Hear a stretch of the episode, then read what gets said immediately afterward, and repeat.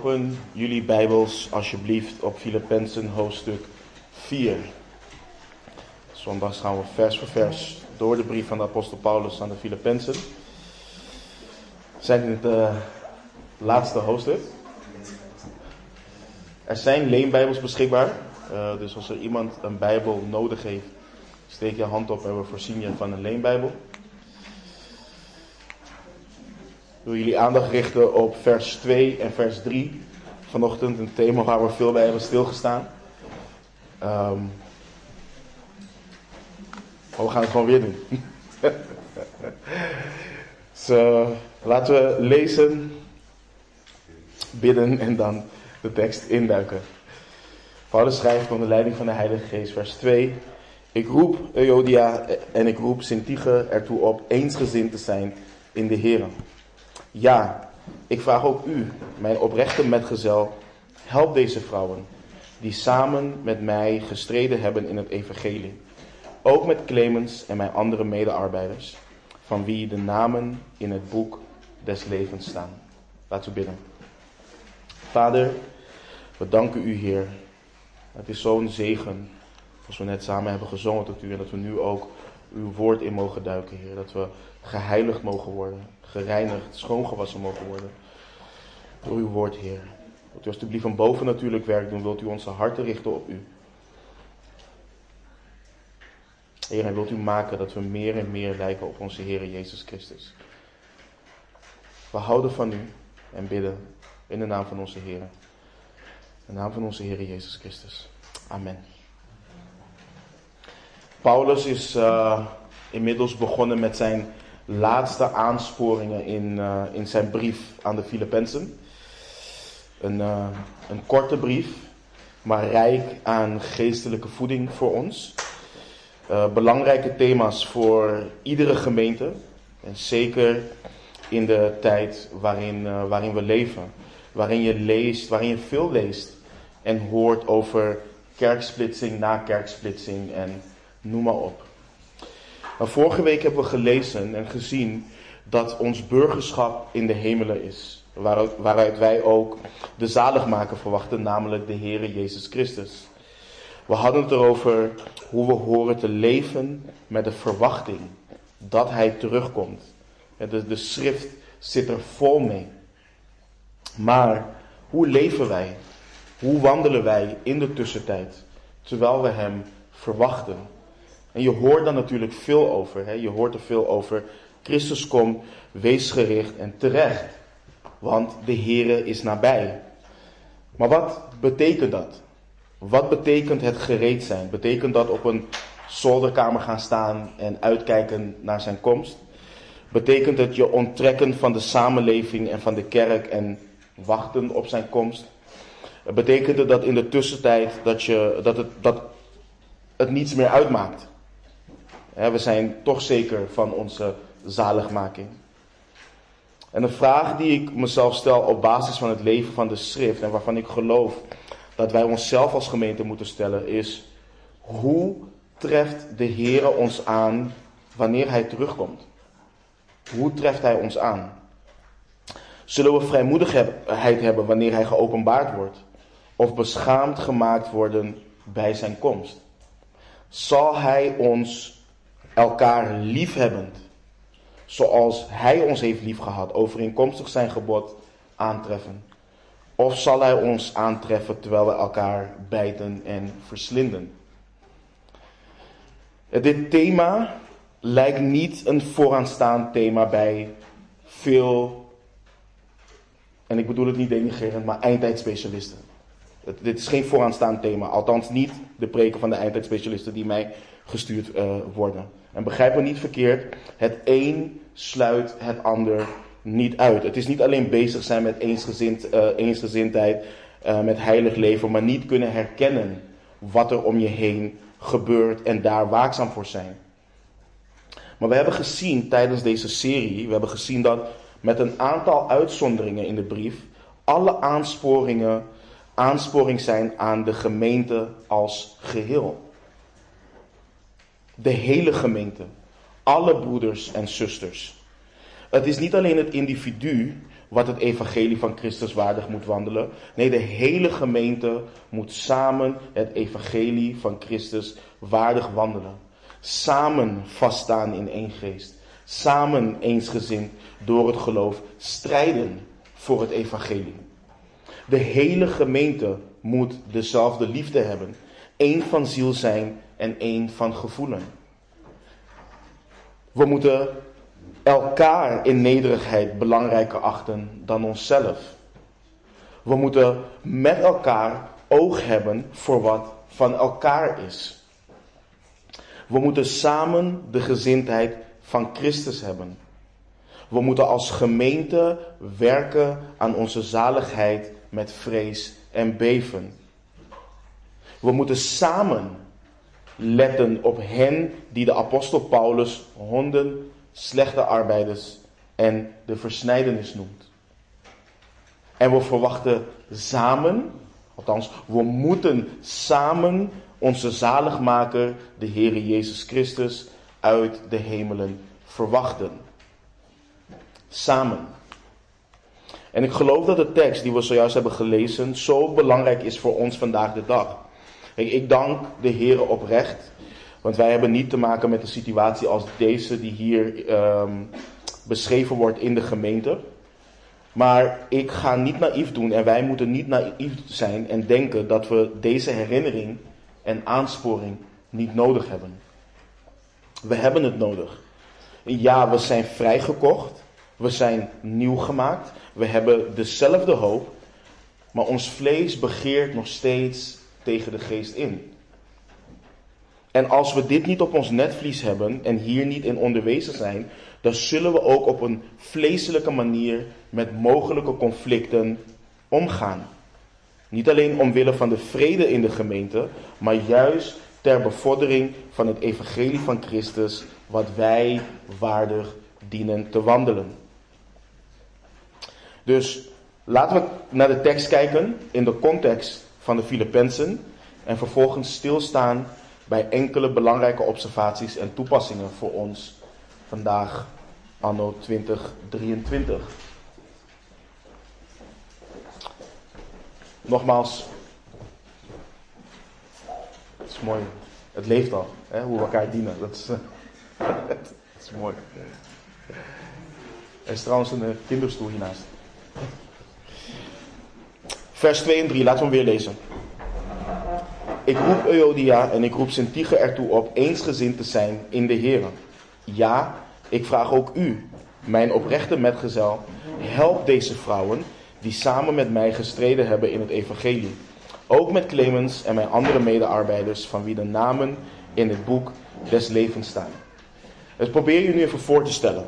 Deze brief, en dat is, ook, dat is hoe het gebeurde in die tijd. Deze brief werd op een boekrol geschreven, meegestuurd om vervolgens voorgelezen te worden aan de hele gemeente. Als je de thema's hoort die voorbij zijn gekomen, dan moet het Euodia en Sintige al lichtelijk hebben veroordeeld. Het gebed van de apostel Paulus in hoofdstuk 1 al zou hen moeten hebben aangesproken in hun gedachten. En vanaf vers 27 in hoofdstuk 1 tot en met tenminste vers 18 van hoofdstuk 2. Dit zijn gedeelten waar eensgezindheid en nederigheid in de Heer Jezus Christus van de pagina's afspatten. Of van het boekrol afspatten. Maar waar wij mensen goed in kunnen zijn, is weten dat iets spreekt over onze situatie. Vroom ja knikken, ja amen erop zeggen en alsnog op dezelfde voet doorgaan. Daar zijn we heel goed in als broeders en zusters, als mensen. En zei de Heere God niet al dat het hart arglistig is? Wij hebben de neiging om de waarheid te horen, weten dat we ons moeten bekeren, maar gaan dan dingen zeggen als: Ik ga in gebed en als de Heer mij overtuigt, dan. Dan pas zal ik mij bekeren. Maar Paulus wacht daar niet op. Hij zet iedereen in de gemeente zet hij op scherp. Hij noemt twee zusters direct bij hun naam. Euodia en Sintige. En als de gemeente nog niet wist wat ze te doen stond, dan wisten ze het nu. En er wordt, er is, en er wordt veel gespeculeerd over Eodia en Sintige. Uh, anders dan wat er in versen 2 en 3 staan, weten we niet over hen. En verder dan dat hoeven we ook niet te gaan. Maar we zien een aantal dingen. Euodia en Sintige zijn geen baby's in Christus. Dit zijn vrouwen die samen met de apostel Paulus hebben gestreden in het evangelie. In het Grieks staat dat ze krachtig met de apostel Paulus hebben samengewerkt in het evangelie. En Paulus gebruikt hier de taal van een atleet en of soldaat. Hij gebruikt exact dit woord voor gestreden ook in Filippenzen 1 vers 27. Alleen wandel het evangelie van Christus waardig, opdat ik, of ik nu kom en u zie, of dat ik afwezig ben, van uw zaken mag horen, dat u vaststaat in één geest en dat u samen eensgezind strijdt door het geloof in het evangelie. Dus dit zijn geen baby's in Christus. Dit zijn vrouwen die krachtig en machtig door God zijn gebruikt ter bevordering van het goede nieuws van Jezus Christus. Maar wat we nog meer zien is dat Paulus ervan overtuigd is en vrucht heeft gezien in hun leven om te kunnen zeggen dat hun namen staan in het boek des levens. Het boek wat op de laatste dag open zal gaan. En Paulus twijfelt niet aan de redding van deze zusters, ook niet door het conflict wat ze onderling hebben. Paulus is ervan overtuigd dat God een goed werk in ze is begonnen en dat ook zal voltooien tot op de dag van Christus Jezus. In hoofdstuk 1 had Paulus het over zijn blijdschap voor de Filippenzen vanwege hun gemeenschap aan het evangelie. En Euodia en Sintige horen daar dus ook bij. Dit is ook van toepassing op hen. En dit is iets wat we uit de tekst kunnen halen. We weten niet waar het conflict over ging. We weten ook niet wie begonnen is, wie de schuldige is. We weten het niet. Wat we wel uit de tekst kunnen halen is dat het geen kwestie was van doctrine. Als je de brieven van Paulus leest, dan weet je dat hij onmiddellijk dealt met valse leer of iets in die trant. Dus Euodia en Sintige hebben een conflict met elkaar. Ze zijn niet eensgezind. En blijkbaar weet de gemeente dit ook. En wat is de oproep van de apostel Paulus? Hij roept die zusters ertoe op eensgezind te zijn in de Heer. In de Statenvertaling staat, ik vind het mooi dat er staat, ik vermaan Euodia en ik vermaan Sintige. Dat zij eensgezind zijn in de Heer. Hij vermaant ze. En de oproep van Paulus is er eentje uit het hart. In het Grieks roept hij: Ik verzoek jullie. Ik smeek jullie. Dit is geen autoritaire oproep van de apostel. Hij heeft een oprechte zorg over twee zusters waarmee hij zij aan zij gestreden heeft voor Christus en zijn evangelie. En wat is zijn smeekbede? Wat is zijn vermaning en oproep om eensgezind, eensgezind te zijn? En het is goed om kort weer stil te staan bij wat de apostel Paulus bedoelt met eensgezind. Paulus bedoelt hiermee één van denken. En waarna wordt verwezen, of wat hier wordt geschetst, is dezelfde levensintentie hebben. Hetzelfde doel hebben. Verenigd zijn in enkel één doel. Dat is waartoe Paulus hen oproept. Maar Paulus roept hen op om dat te zijn in de Heer. Hun denken moet eens zijn in de Heer. Hun levensdoel moet eens zijn in de Heer. Hun levensintentie moet eens zijn in de Heer Jezus Christus. Dit gaat niet om Euodia, dit gaat niet om Sintige, dit draait niet om hun gevoelens. Dit gaat om de Heer Jezus Christus en zijn evangelie. Wat, verschil, wat voor verschillen ze ook hadden, wat er ook aan de hand was, ze moesten dat opzij zetten en eensgezind zijn in de Heer. En Paulus wendt zich vervolgens tot iemand waar ook veel over wordt gespeculeerd. Hij schrijft: Ja, ik vraag ook u, mijn oprechte metgezel, help deze vrouwen. Ik weet niet wie de metgezel is waar Paulus naar refereert. De gemeente in Filippi, die wist dat wel. Maar wat belangrijk is, is dat de apostel vraagt om hulp. Hij vraagt om bemiddeling in het conflict tussen deze twee zusters. En we zien vervolgens ook een verwijzing naar een broeder Clemens, waar we ook niets van, anders, van, van weten, anders dan dat hij samen met Paulus deze twee vrouwen en nog anderen heeft gestreden. Nu is, het nu is het belangrijk om te kijken, wat kunnen wij uit deze tekst leren? Wat dienen we te beseffen en hoe dienen we te handelen wanneer deze zaken opspelen? Eén, wat we moeten beseffen is, het vereist inspanning om conflicten in de gemeente op te lossen. Het vereist inspanning om conflicten in de gemeente op te lossen. Paulus roept deze dame, dames op tot eensgezindheid. Hij laat daarmee zien, het gaat niet vanzelf. En we weten allemaal dat we elkaar dienen lief te hebben. We weten allemaal dat we elkaar dienen te verdragen. Dat we dienen te vergeven zoals ook wij vergeven zijn door de Heer. We weten dat. We kennen de versen. Toch roept de apostel Paulus deze twee zusters, eh, zusters in de Heer, twee volwassen strijders van het geloof, om hun verschillen op te lossen. We weten niet hoe lang dit gaande was, maar het was lang genoeg gaande dat Epaphroditus met dit nieuws bij de apostel Paulus kon komen en hij door middel van deze brief hen moest aansporen.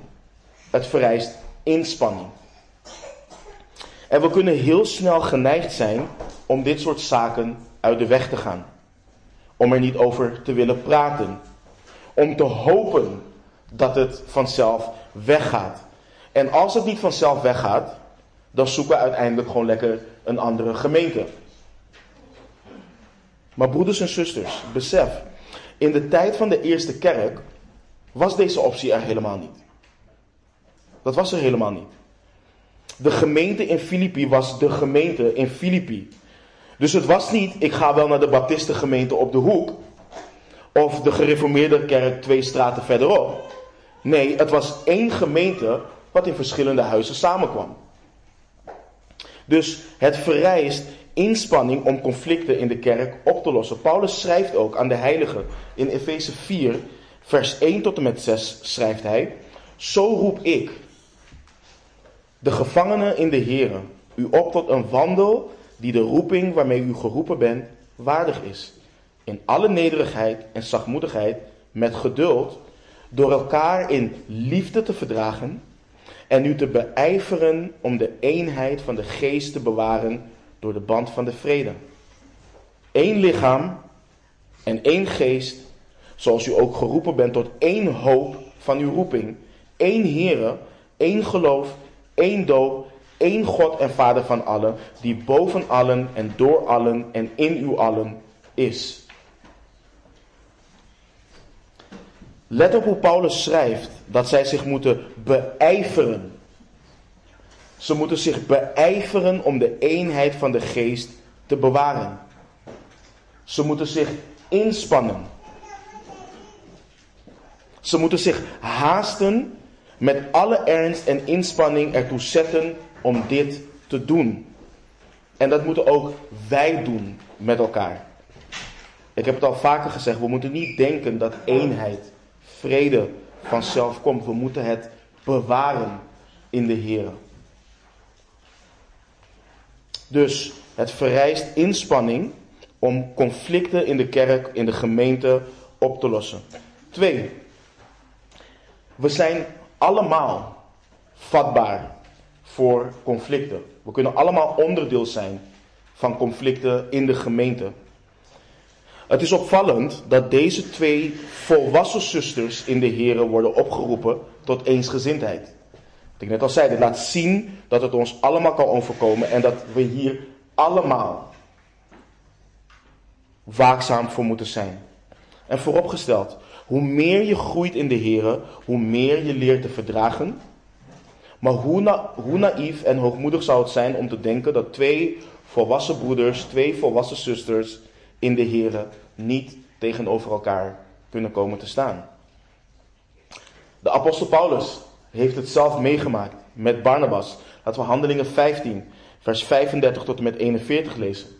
Dan lezen we, en Paulus en Barnabas verbleven in Antiochië en zij onderwezen en verkondigden met nog veel anderen het woord van de Heer. Volwassen broeders. En na enkele dagen zei Paulus tegen Barnabas: Laten wij nu terugkeren en onze broeders bezoeken in elke stad waar wij het woord van de Heer verkondigd hebben en zien hoe het met hen gaat. Nu wilde Barnabas Johannes, die ook Marcus heet, meenemen. Paulus achtte het echter juist om hem, die hen van Pamphylia af verlaten had en niet met hem meegegaan was naar het werk, niet mee te nemen. Er ontstond daarom verbittering, zodat zij uit elkaar gingen en Barnabas Marcus meenam en per schip naar Cyprus vertrok. Maar Paulus koos Silas en vertrok. Nadat hij door de broeders aan de genade van God opgedragen was. En hij reisde door Syrië en Cilicië en sterkte de gemeenten. Lees de hoofdstukken hiervoor en je leest hoeveel de apostel Paulus en Barnabas samen hebben meegemaakt in de Heer. Hoe ze samen zij aan zij hebben gestreden voor het evangelie. Het was notabene nog Barnabas die Paulus opnam, die hem bracht in de fellowship. Toen niemand hem wilde opnemen en dacht, dit is degene die de gemeente vervolgde. En toch ontstaat er een verbittering tussen hen.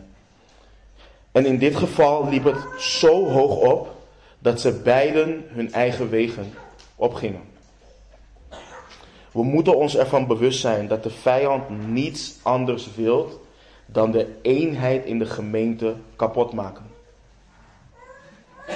Een huis wat verdeeld is, is makkelijk om ver te werpen. En hoe lang we ook wandelen met de Heer, we dienen waakzaam te zijn en constant te bidden voor de eensgezindheid binnen de gemeente en te blijven beseffen dat, ook, ehm, dat, ook terecht, dat wij ook terecht kunnen komen in een conflict met een broeder of zuster. Dus een ieder is vatbaar hiervoor. Een ander belangrijk punt. De eerste prioriteit van de betrokken partijen dient verzoening te zijn. De eerste prioriteit van de betrokken partijen dient verzoening te zijn. Let nog een keer op de oproep van Paulus. Ik roep Euodia en ik roep Sintige ertoe op eensgezind te zijn in de Heer. Dit is wat er dient te gebeuren. Dit is wat er moet gebeuren. Denk aan wat de Heer Jezus zei in Matthäus 5, 23 en 24. Als u dan uw gaven op het altaar offert en u zich daar herinnert dat uw broeder iets tegen u heeft, laat uw gave daar bij het altaar achter en ga heen. Verzoen u eerst met uw broeder en kom dan terug en offer uw gave. Denk aan wat er staat in Matthäus 18, vers 15. Maar als uw broeder tegen u gezondigd heeft, ga naar hem toe en wijs hem terecht tussen u en hem alleen als hij naar u luistert, hebt u uw broeder gewonnen. Dus wat staat er in beide gevallen? Ga heen. Ga naar hem toe. Of hij nou iets tegen jou heeft, of dat hij tegen jou heeft gezondigd. De hoogste prioriteit is verzoening.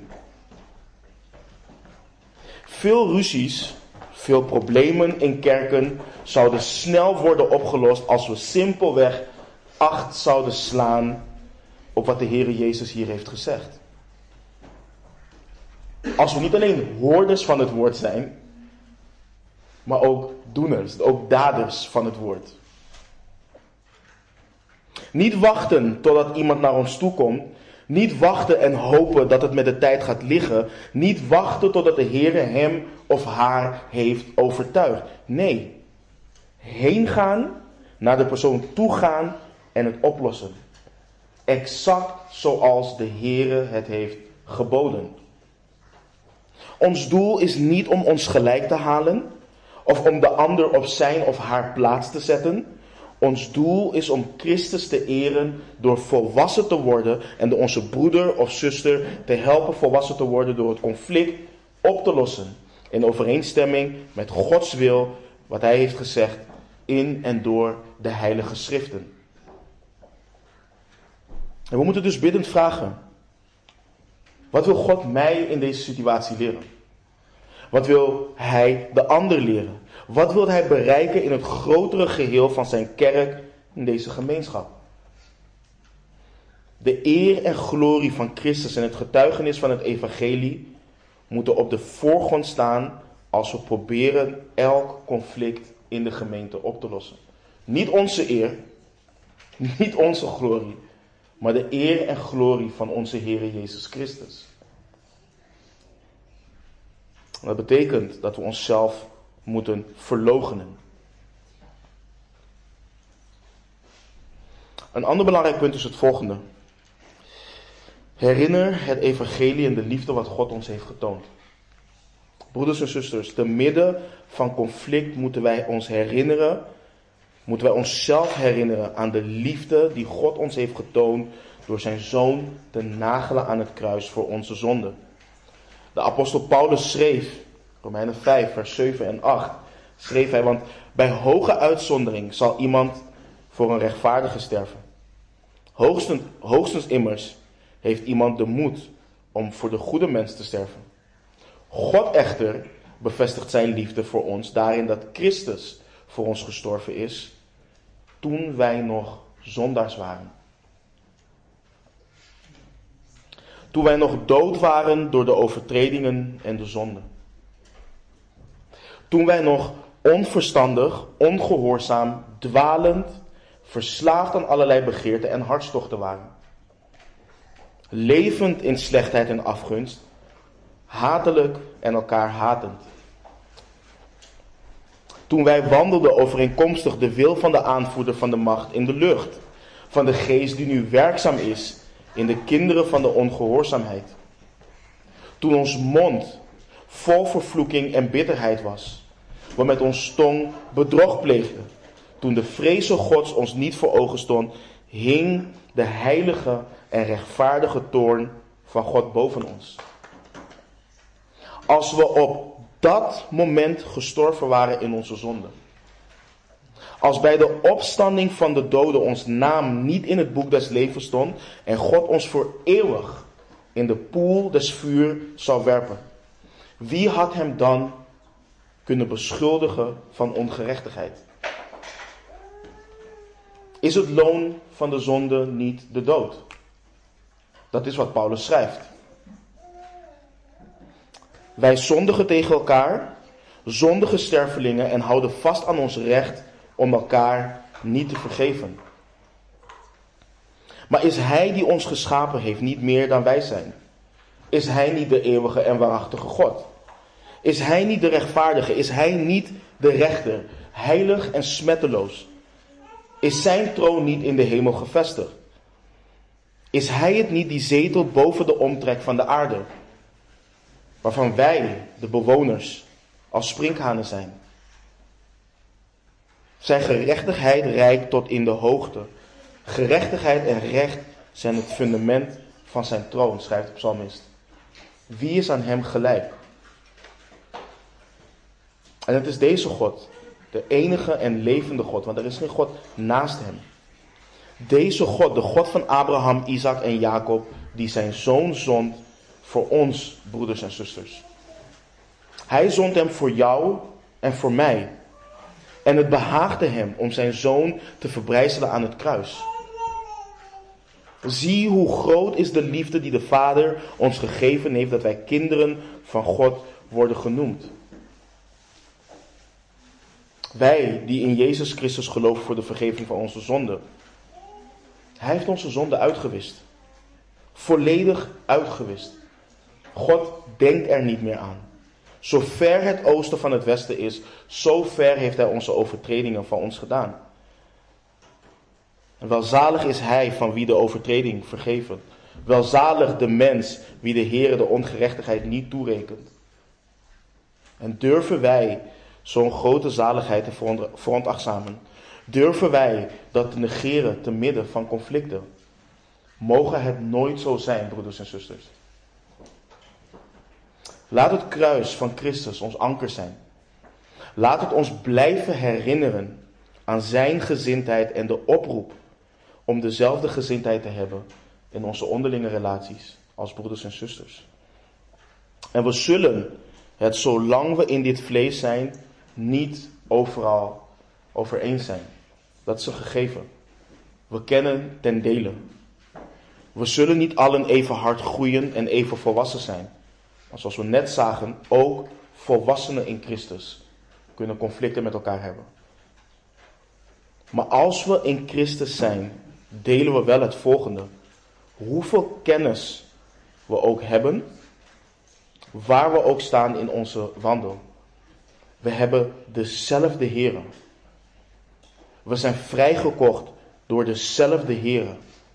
We behoren dezelfde Heer toe. We dienen dezelfde Heer. En we hebben dezelfde Heer lief. En dat hoort ons te drijven om ook elkaar lief te hebben. Daarom is de oproep van de apostel Petrus in 1 Petrus 4 vers 8 zo belangrijk. Maar heb voor alles vurige liefde voor elkaar. Want de liefde zal een menigte van zonden bedekken. Dit vers, het negeert zonde niet. Dit vers leert niet, oh laat iemand in zijn of haar zonde. Dit vers leert ook niet om de waarheden van de schrift te negeren omwille van de liefde of de vrede. Dat is niet wat het leert. Maar het leert ons wel dat als liefde regeert in een gemeente, de liefde van God, dat we bereid zijn om wat onze broeder of zuster ons ook heeft aangedaan, te vergeven in de Here en die zonde onder de mantel der goddelijke en bijbelse liefde te plaatsen. Maar waar de liefde van Christus niet regeert, daar waar ons vlees regeert, waar onze eigen gedachten regeert, daar zal iedere actie, iedere handeling, iedere uitspraak van een broeder onder een microscoop worden geplaatst en uitvergroot worden met als resultaat een vernietigend effect op de fellowship. Dat is wat er zal gebeuren. Maar wanneer we onszelf blijven herinneren aan de liefde van God getoond in het offer van zijn zoon, wanneer we onze harten in alle oprechtheid daartoe aansporen, dan worden we ook herinnerd om elkaar lief te hebben. Dus ik moet denken aan hoe Petrus zijn eerste brief opent. Ik, ik, wil het met jullie lezen. Het is best een groot gedeelte wat we gaan lezen, maar het is zo essentieel om te zien wat Petrus onder leiding van de Heilige Geest doet om dit prachtige punt te maken. Laten we lezen vanaf 1 Petrus 1, vers 3. Ik heb hem niet op het scherm, ik heb wel geschreven welk gedeelte. 1 Petrus 1 vanaf vers 3. Petrus schrijft: Geprezen zij de God en Vader van onze Heer Jezus Christus, die ons overeenkomstig zijn grote barmhartigheid opnieuw geboren deed worden tot een levende hoop, door de opstanding van Jezus Christus uit de doden, tot een onvergankelijke, onbevlekte en onverwelkbare erfenis die in de hemelen bewaard wordt voor u. U wordt immers door de kracht van God bewaakt door het geloof tot de zaligheid die gereed ligt om geopenbaard te worden in de laatste tijd. Daarin verheugt u zich. Ook al wordt u nu voor een korte tijd, als het nodig is, beproefd door allerlei verzoekingen. Opdat de beproeving van uw geloof, die van grotere waarde is dan die, die, van grotere waarde is dan die van goud, dat vergaat en door het vuur beproefd wordt, mag blijken te zijn tot lof en eer en heerlijkheid bij de openbaring van Jezus Christus. Hoewel u hem niet gezien hebt, hebt u hem, hebt u hem toch lief. Hoewel u hem nu niet ziet, maar gelooft, verheugt u zich met een onuitsprekelijke en heerlijke vreugde. En, u verkrijgt, en verkrijgt u het einddoel van uw geloof, namelijk de zaligheid van uw zielen.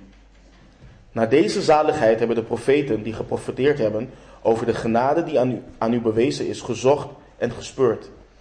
Zij onder, onderzochten op welke en wat voor tijd de geest van Christus die in hen was, doelde toen hij tevoren getuigde van het lijden dat Christus komen zou en ook van de heerlijkheid daarna. Aan hen werd geopenbaard dat zij niet zichzelf, maar ons dienden in de dingen die u nu verkondigd zijn door hen die u het evangelie verkondigd hebben, door de Heilige Geest die vanuit de hemel gezonden is. Dingen waarin de engelen begeren, begeerig zijn zich te verdiepen. Dus tot nu toe hier heeft Petrus nog geen aansporing. Hij prijst de Heere God voor wat hij heeft gedaan, staat puur stil bij de huidige en toekomstige hoop, de zaligheid in Christus. Maar dan zie je dat hij vanaf vers 13, vanuit wat wij hebben gelezen, komt met de aansporing om heilig te wandelen en om elkaar als broeders lief te hebben. Vanaf vers 13. Omgord daarom. Omgord daarom de lendelen van uw verstand. Wees nuchter en hoop volkomen op de genade die u gebracht wordt in de openbaring van Jezus Christus. Word als gehoorzame kinderen niet gelijkvormig aan de begeerten die er vroeger in de tijd van uw onwetendheid waren. Maar zoals Hij die u geroepen heeft, heilig is, wordt zo ook zelf heilig in heel uw levenswandel. Want er staat geschreven, wees heilig, want ik ben heilig. En als u hem als vader aanroept, die zonder aanzien des persoon naar ieders werk oordeelt, wandel dan in de vrezen des Heren, Heren gedurende de tijd van uw vreemdelingenschap.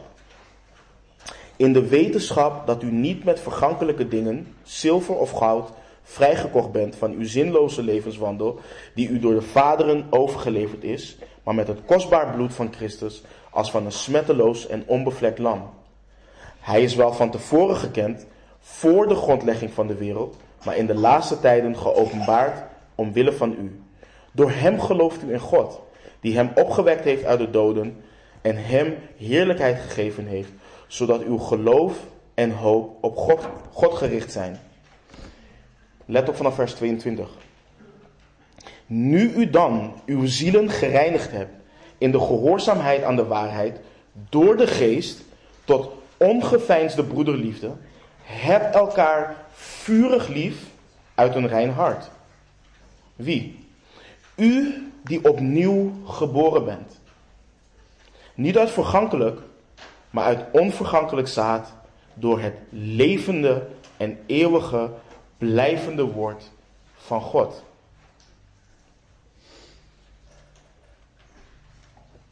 Zal het voorkomen dat er mensen de gemeente verlaten door een conflict? Absoluut. Maar dat is niet wat we willen. En dat is niet wat we moeten willen. Wat we moeten willen is verzoening in Christus. Om onze ogen gericht te houden op de leidsman en voleinder van ons geloof. Om toe te passen wat hij ons heeft geleerd in hoe we achter hem aan moeten gaan. In zelfverloochening. Ons kruis opnemen. De liefde laten regeren en ons bekleden met zijn gezindheid. En daarom, broeders en zusters, moeten we onszelf het evangelie, de liefde van God, continu blijven herinneren. Dat is wat we van moment tot moment moeten doen. Het evangelie is niet iets waarin je afstudeert. Het is niet iets waarvan je zegt, oh, ja, ik ken dat wel en uh, we gaan nu verder. Alles vloeit voort uit het evangelie van onze Heer Jezus Christus. We lazen, u die opnieuw geboren bent. Dit geldt voor iedere wedergeboren discipel van Christus. We moeten elkaar allen vurig liefhebben uit een rein hart. Ze herinneren het evangelie en de liefde van God daarin getoond. Een ander belangrijk punt te midden van dit alles is de situatie leren herkennen voor wat het is. En dat is wat we geneigd zijn om te vergeten. Zien wat er daadwerkelijk aan de hand is. Paulus schrijft in Galaten 5:20 dat vijandschappen, ruzie, afgunst, woedeuitbarstingen, egoïsme, oneenigheid, dat dat werken van het vlees zijn. Hij schrijft dat in Galaten 5:20. Dat is wat het is, werken van het vlees. Jacobus bevestigt dit in, het, in de eerste twee versen van hoofdstuk 4 in zijn brief. Hartstochten die in alle delen van uw lichaam strijd voeren. Anderen benijden. We moeten gaan leren inzien dat wat ons weerhoudt van verzoening niet een gebrek aan empathie is van de ander. Het is die onverzadigbare drang die wij als gevallen mensen hebben om begrepen te worden, om ons gelijk te halen, om gerechtigheid te willen ervaren, overeenkomstig ons eigen wil. En wat is dit allemaal? Hoogmoed. een gebrek aan liefde. Kijk bijvoorbeeld naar Paulus. Paulus hij kiest geen kant in dit conflict. Hij is niet bezig met wie heeft er gelijk. Hij roept beiden op om eensgezind te zijn. Beiden moeten zichzelf verloochenen. Beiden moeten zich beijveren om uh, te verzoenen. Als we de houding hebben, maar hij of zij moet ook eerst inzien wat hij of zij mij heeft aangedaan, dan komt er nooit verzoening. Dat gaat niet gebeuren. We moeten inzien dat als we die houding hebben, dat we naar het vlees wandelen en de geest hiermee bedroeven. Laten we ons herinneren aan de gezindheid van Christus waar we bij hebben stilgestaan. Hij die terwijl hij in de gestalte van God was, het niet als roof beschouwd heeft aan God gelijk te zijn, maar zichzelf ontledigd heeft door de gestalte van een slaaf aan te nemen en aan de mensen gelijk te worden.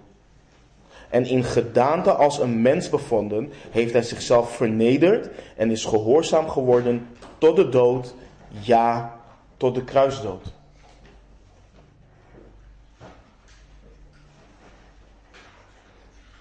Te midden van conflict moeten we de situatie en ons eigen handelen leren herkennen voor wat het is. Het is ook belangrijk in onze huwelijken. Dit is enorm belangrijk in onze huwelijken. Daar gaat het niet om, nee, maar hij of zij moet eerst even voelen. Laten we een half uur, een uur, een halve dag, de, hele dag, misschien een week de silent treatment geven.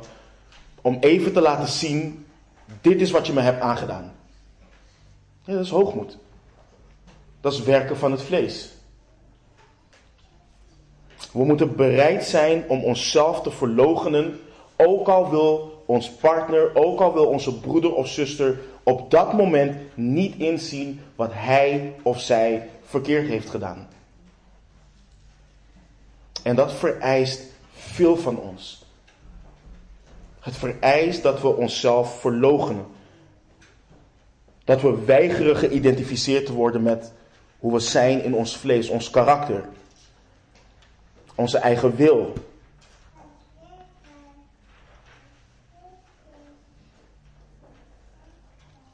Mijn laatste punt is de verantwoordelijkheid van de gemeente. In de oproep die we zien van de Heer Jezus zien we dat de broeders en zusters onderling hun conflict uh, dienen op te lossen. Maar als ze er niet uitkomen, dan hebben we als gemeente de verantwoordelijkheid om te bemiddelen in het oplossen van een conflict en werken naar eensgezindheid toe. We hebben gelezen Efeze 4. We dienen ons samen te beijveren om de eenheid van de geest te bewaren door de band van de vrede. En Paulus schrijft ook in Galaten 6, vers 1 tot en met 3. Hij schrijft daar, broeders, ook als iemand onverhoeds tot enige overtreding komt, moet u die geestelijk bent, zo iemand weer terechtbrengen in een geest van zachtmoedigheid. Houd intussen uzelf in het oog, opdat ook u niet in verzoeking komt. Draag elkaars lasten en vervul zo de wet van Christus. Want als iemand denkt iets te zijn terwijl hij niets is, bedriegt hij zichzelf. We, we, kunnen vaak in de gemeente de, de neiging hebben om te zeggen: ik, ik ga wel bidden voor de situatie. Ik ga wel bidden voor de situatie. De Heere, Hij zal het wel oplossen. En begrijp me niet verkeerd, het is goed, het is essentieel om te bidden in zo'n situatie. Maar wat we kunnen leren van de apostel Paulus hier in deze oproep is om als gemeente de verantwoordelijkheid op te pakken die we hebben in dit soort situaties. En dat is wanneer er een situatie is in de gemeente waar broeders en zusters er onderling niet uitkomen, dat we ze moeten terechtbrengen in een geest van zachtmoedigheid. We dienen ze op te roepen zoals de apostel Paulus, Euodia en Sintige oproep of opriep dat te doen.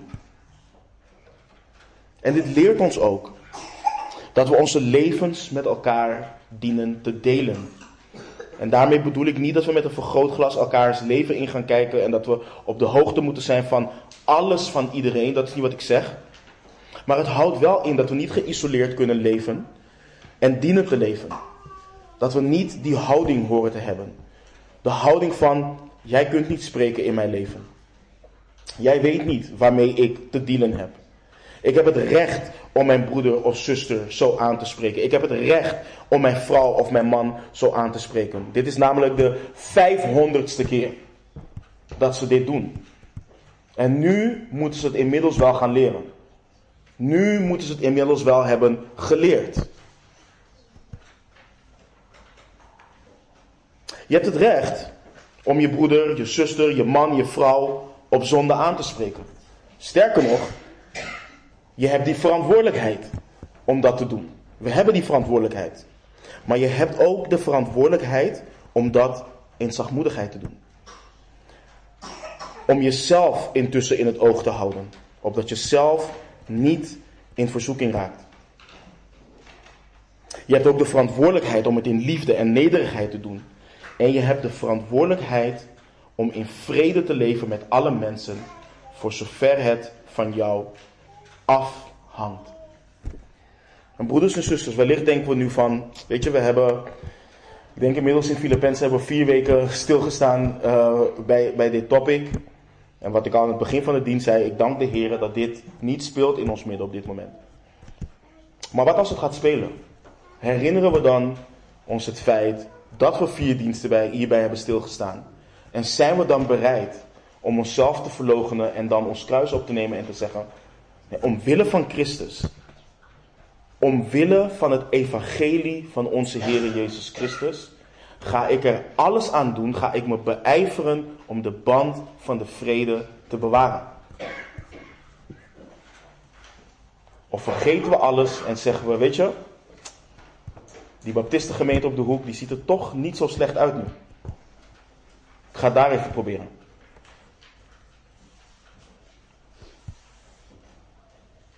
Als wij op deze manier met elkaar omgaan, wat we vorige week ook hebben behandeld met vijanden van het kruis, dan laten wij de buitenwereld, maar ook de gemeente zien dat het, kracht, dat het kruis van Christus geen kracht heeft. Dat het ons niet verenigd kan houden in Hem. Terwijl Hij degene is die ons aan elkaar heeft gegeven. Hij heeft ons vrijgekocht en Hij houdt ons ook samen. Als wij bereid zijn om onszelf te verloochenen en ons kruis op te nemen. Als wij voor ogen houden dat we hier niet zijn om elkaar te entertainen, maar dat we een missie hebben. En dat we samen dienen te strijden in het evangelie en voor het evangelie van onze Heer Jezus Christus. Dat is wat we dienen te doen. En als we elkaar bijten en verslinden, dan zijn we alleen maar verliezers. Dus om af te sluiten met de woorden van de apostel Paulus. Laten wij dus najagen wat de vrede en de onderlinge opbouw bevordert. Amen. Laten we bidden. Zo Vader in de hemel. Heere God, we danken u. We loven u. Voor de vrede die mag regeren hier in deze gemeente. Maar Vader, help ons om niet naïef te zijn. Help ons om waakzaam te zijn. En het besef te hebben, Heer. Dat de vijand niets anders wilt dan de eenheid die er binnen de gemeente regeert. Die er binnen uw gemeente regeert. Om dat kapot te maken. Help ons om er ons van bewust te zijn. Dat we wel willen doen wat uw woord ons leert. En dat de geest gewillig is, maar dat het vlees vaak zwak is. En help ons, Heer, om samen te beijveren om de band van de vrede, om de eenheid in de geest die we hebben, om dat te bewaren. Heer, we loven en we prijzen uw naam. En we danken u voor uw goedheid, Heer. In de naam van onze Heer Jezus Christus bidden we. Amen.